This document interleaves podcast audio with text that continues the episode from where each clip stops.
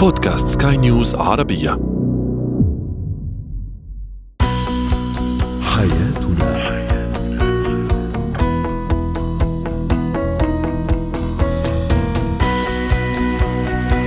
مستمعينا الكرام أهلا بكم معنا إلى حلقة جديدة من برنامج حياتنا برنامجكم اليومي الذي يعنى بشؤون الأسرة وباقي الشؤون الحياتية الأخرى والذي يمكنكم الاستماع إليه عبر منصة سكاي نيوز ارابيا dot com slash podcast وباقي منصات البودكاست الأخرى. معي أنا امال شاب. نتحدث اليوم عن مودة أهل الزوج والزوجة. أيضا كيف أعلم طفلي الاحتفاظ بأسرار البيت وأسرار المنزل؟ وأخيرا كيف أدير الوقت؟ وكيف أكتسب هذه المهارة مهارة إدارة الوقت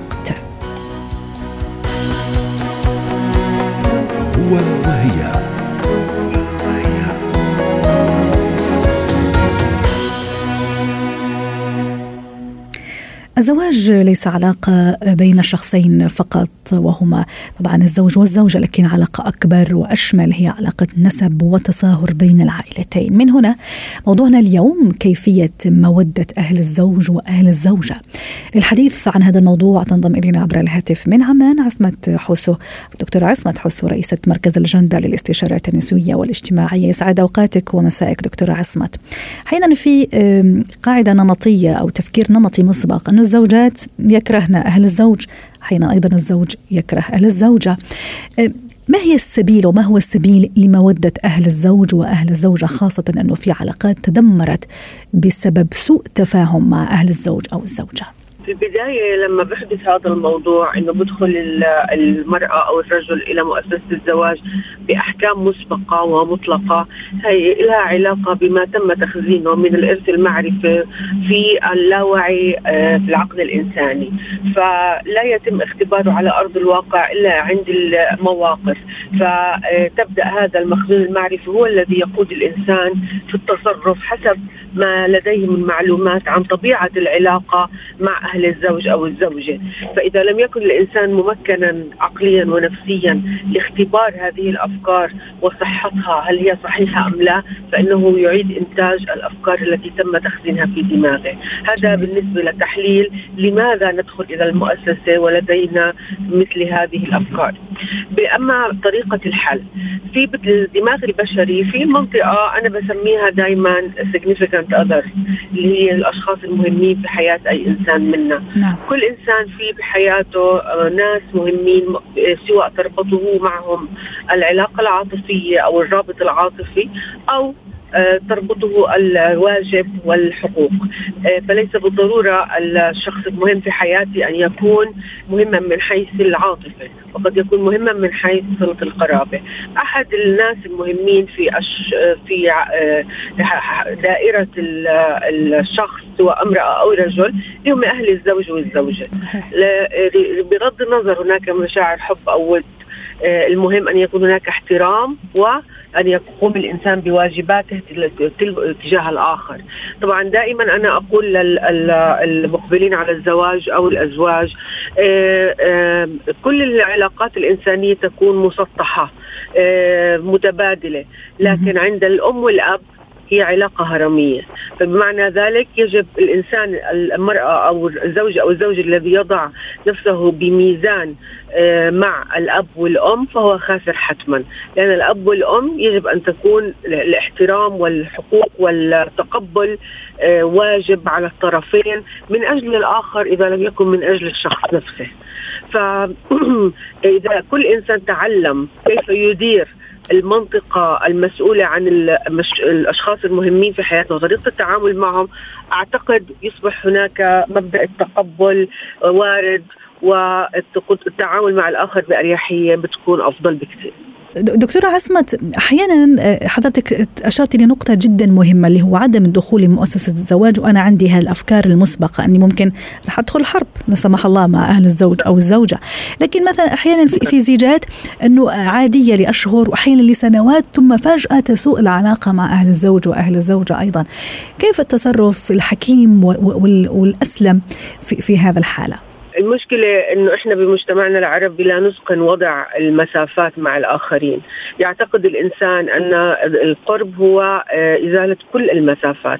كل إنسان يجب أن يكون لديه مسافة خاصة حوله مع نفسه ثم بعد ذلك يضع الأولويات والأشخاص المهمين بتعريفهم درجة المسافة التي تربطه معهم. أيوة. فإذا كانت العلاقة قائمة على الاحترام والحب في البداية وساءت فيما بعد هذا دليل على أنه لم يكن هناك وضع آه، مسافة جيدة كافية وحدود كافية بحيث الطرفين يحترموه. جميل. فممكن يكون الإنسان أعطى مس... يعني أريحية للآخر بالتدخل أو آه، الاقتحام المسافة الخاصة. أيوة على ذكر الاقتحام ست, ست عصمت حتى نختم. أيضا دائما في العلاقات الإنسانية هناك ما يسمى بفن الاقتراب أو فن المسافات أيضا. كيف نعم. يجب أن تكون هذه المسافة؟ يعني ما أقترب كثير ولا أبعد أيضا كثير؟ تقدير المسافة يعني كيف يكون؟ حتى نختم. المسافة ما فيش قاعدة ثابتة للسلوك الإنساني. المسافة حسب درجة التفهم والتقبل ودرجة ال ال ال الواجب أو العاطفة التي تربطني مع هذا الشخص. فبمعنى آخر آه، يعني أضع المسافة كما أحب أن أعامل بحيث أني أنا أضعها بطريقة أتعامل مع الآخر. فإذا لا أرغب بالتدخل في خصوصياتي فيجب أن يكون أسئلتي وحواراتي إلى حد ما محدودة حتى لا أسمح للآخر باقتحام مسافتي الخاصة. شكرا لك دكتورة عصمت حوسو رئيسة مركز الجندر للاستشارات النسوية والاجتماعية ضيفتنا من عمان وسعد أوقاتك. زينة الحياة.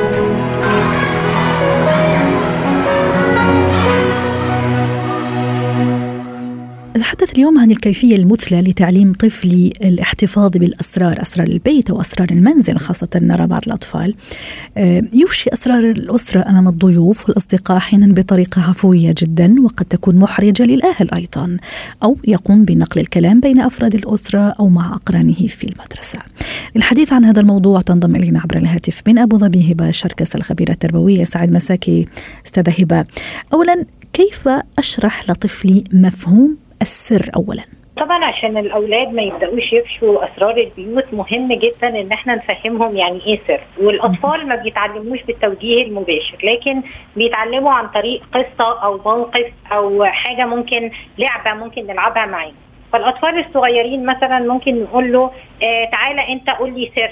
معين مش عايز حد يعرفه. ممكن نخبي اللعبة دي في مكان ما نقولهوش لحد. ممكن مثلا نقول له على حاجة خاصة بيه موضوع أو موقف خاص بيه هو مش حابب حد إن هو يعرفه ونبدأ من هنا نفهمه إن نرسم له على لوحة دواير ونقول له كل واحد عنده دايرة خصوصية وعنده معلومات جوه الدايرة دي ما بيحبش يشاركها مع الناس. فنبدأ نفهم الطفل بالتدريج إيه اللي ممكن مسموح له إن هو يحكيه وإيه اللي المفروض إن هو يستأذن قبل ما يحكيه آه طبعا مع مراعاة معية الطفل إن الأطفال بيسمعوا وهم موجودين معانا فإحنا برضو مش المفروض إن إحنا نشارك الأسرار والأشياء المهمة والأحداث المهمة في حياتنا مش المفروض إن إحنا نحكيها قدام الأطفال لأن إحنا مش متخيلين إزاي هم هيستوعبوها وكمان مش متخيلين إزاي ممكن ينقلوها آه لأشخاص ثانيين ممكن آه يكونوا آه يعني كده بيفشوا أسرار البيوت. خاصة أيضا الطفل أستاذة هبة عنده خيال واسع ممكن حتى المعلومة أو الشيء اللي سمعه ممكن ما راح ينقله بحذافير وممكن يزيد أشياء أو ينقص أشياء. هذا الكلام آه، يقودني للتساؤل أيضا عن عن السن عفوا. آه، أكيد في عمر أربع سنوات أكيد ما راح يقصد أنه ينقل كلام أو أنه ينقل أسرار البيت لكن يقولها بشكل عفوي. آه، متى أنا فعلا بين قوسين يعني أنتبه أو أدق ناقوس الخطر؟ وبعدين هل هو مثلا في سن معينة هل يقصد ذلك أحيانا يعملها لعبة أحيانا ممكن يعملها انتقام حتى ممكن ينتقم من الأب أو الأم بطريقته وبطريقته الخاصة أيضا. هو طبعا الطفل وهو صغير في سن أربع وخمس ست سنوات بيبقى مش مش مدرك آه، مفهوم السر. فإحنا عشان كده لازم نفهمه مفاهيم الخصوصية ونرسم له دوائر الخصوصية ونعلمه عليها. الأطفال بعد كده بيبقى فيه أحيانا تشجيع من الأهل. آه عن طريق إيه؟ مثلا سي إن هو بيخرج من بيتنا بيروح لبيت العيلة فبيسألوه بعض الأسئلة. من باب آه الحكايات معاه من باب الوناسة فيبداوا يسألوه بعض الأسئلة فهو يبدأ يتكلم. فبيتعود إن دي حاجة عادية إن أي حد يسأله عن أي حاجة في بيته إن هو يتكلم.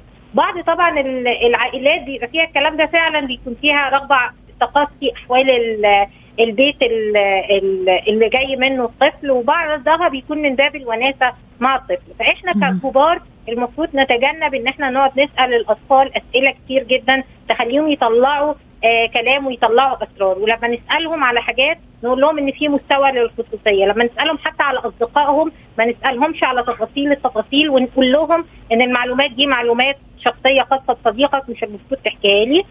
آه لكن بعض الأطفال فعلا بيتعمدوا آه إن هم يجذبوا الأنظار ويلفتوا الأنظار عن طريق نقل الأحاديث مش بس الأطفال. كبار كمان عارفين إن موضوع إن إحنا ننقل الكلام ونحكي كتير ده ممكن يكون حاجة اتراكتيف ممكن تكون حاجة مسلية وممتعة علشان كده آه بنلاقي إن في حتى من الكبار بيفشوا الأسرار. فطبعا لو الأهل مش عاملين قدوة ومش عاملين حدود ومش بيعلموا الأطفال الأصول والآداب العامة في الاحتفاظ بالأسرار وبالخصوصية هنلاقي إن بيوتنا على الهواء بتتذاع في المدرسة ومع أصدقائه في أي مكان الطفل بيكون آه موجود فيه. فتعليم الخصوصية ده فن آه بيبدأ من إن الأهل نفسهم لازم يكونوا عندهم احترام للخصوصيه والخطورة وكل الخطورة أستاذة هبة إنه أيضا إذا كان هالموضوع بين الأب والأم بمعنى ممكن الأم عندها سر معين تحب تخفيه ممكن عن الأب خلينا نقول مثلا كلمتها صديقة معينة أي شيء مثلا وتطلب من الابن إنه ما يطلع هذا السر. ممكن أيضا الابن قد يبتزها أيضا عاطفيا في هذا في, في هذا النقطة. ليس كذلك؟ وخطير جدا الأمر. الموقف هنا بيكون خطأ الأم أو خطأ الأب لأن معيه الطفل يجب أن تحترم. لو ابني موجود قدامي لازم أدرك إيه اللي ينفع يتقال قدامه وإيه اللي ما ينفعش يتقال قدامه. كون أنا أبقى متخيلة إن هو صغير وإن هو مش هيفهم فدي حاجة سيئة. وكون إن أنا أكشف حاجة مش عايزة أكشفها قدامه دي حاجة سيئة. مهم. كمان إن إحنا ننوه إن إحنا لازم نعرف الطفل إيه هو السر الإيجابي وإيه السر السلبي. لأن أحيانا الطفل مثلا يعتبر حد حد يتعرض له أو يتحرش فيه ويقول له إن ده سر وإحنا قايلين له إنه يحتفظ بالسر وإن لو ما حد يقول له سر يكون مؤتمن رائع عليه. النقطة صح. ومهم كمان إن أنا أعلم الطفل إن في سر جيد وفي سر سيء. وأديله أمثلة على الكلام ده علشان آه في ظل ما أنا بعلمه الخصوصية ما خلوهوش إن هو فرصة آه أو صيدة سهلة لحد ممكن آه يضايقه أو يتحرش ممتاز زاوية جميلة جدا. أستاذة هبة أيضا في حال مثلا الثواب والعقاب طيب أنا اتفقت مع ابني إنه هذا سر ما لازم يطلع للناس الغرباء لكن في النهاية أفشى السر. طريقة العقاب إذا صح التعبير كيف راح أتصرف في هذا الحالة؟ إذا أخل بالاتفاق. هو إذا الطفل أخل بالاتفاق المفروض إن إحنا نبقى متفقين معاه. إن أنت لو أخليت بالاتفاق ده أنت تختار لنفسك إن إيه اللي يحصل. هو يتحمل عواقب الأشياء. أنا بحب التربية بالعواقب أكثر من التربية بالعقاب. يعني هو اللي يختار هو اللي يختار عقابه بنفسه. هو اللي يختار يعني هو اللي يختار العاق... العاقبة. العاقبة يعني مش عقاب إيه اللي هيحصل؟ ممكن تحصل مشاكل في البيت فأنت مضطر إن أنت تراضي الناس اللي سببت لهم في إحراج أو اللي طلعت سرهم. بإنك مثلا تجيب لهم وردة إنك تكتب لهم خطاب اعتذار إنك تقدم لهم هدية علشان. يعني تصلح غلطك. يعني بحب إن الطفل يبقى مسؤول عن غلطه ويحب إن هو يصلحه بنفسه ويحس إن هو بيعمل حاجة في نفس لها علاقة بالخطأ اللي هو أخطأه. لكن ما تكونش حاجة ملهاش علاقة. يعني لو أفشيت سر مثلا أنا هسحب منك الموبايل أنا هحرمك من كذا. لا خلي العقاب دايما أو العاقبة دايما من لها علاقة بالفعل اللي فعله هذا الطفل. شكرا لك أستاذة هبة شركس الخبيرة التربوية ضيفتنا من أبو ظبي.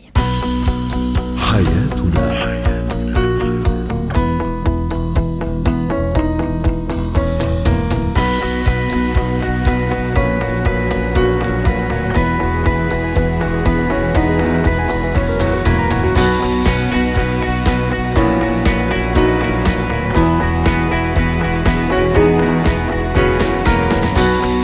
إذا بهذا نكون قد وصلنا لختام هذه البرنامج. حياتنا. شكرا لكم على طيب وكرم المتابعة. هذه تحياتي. أنا أمل شاب. حياتي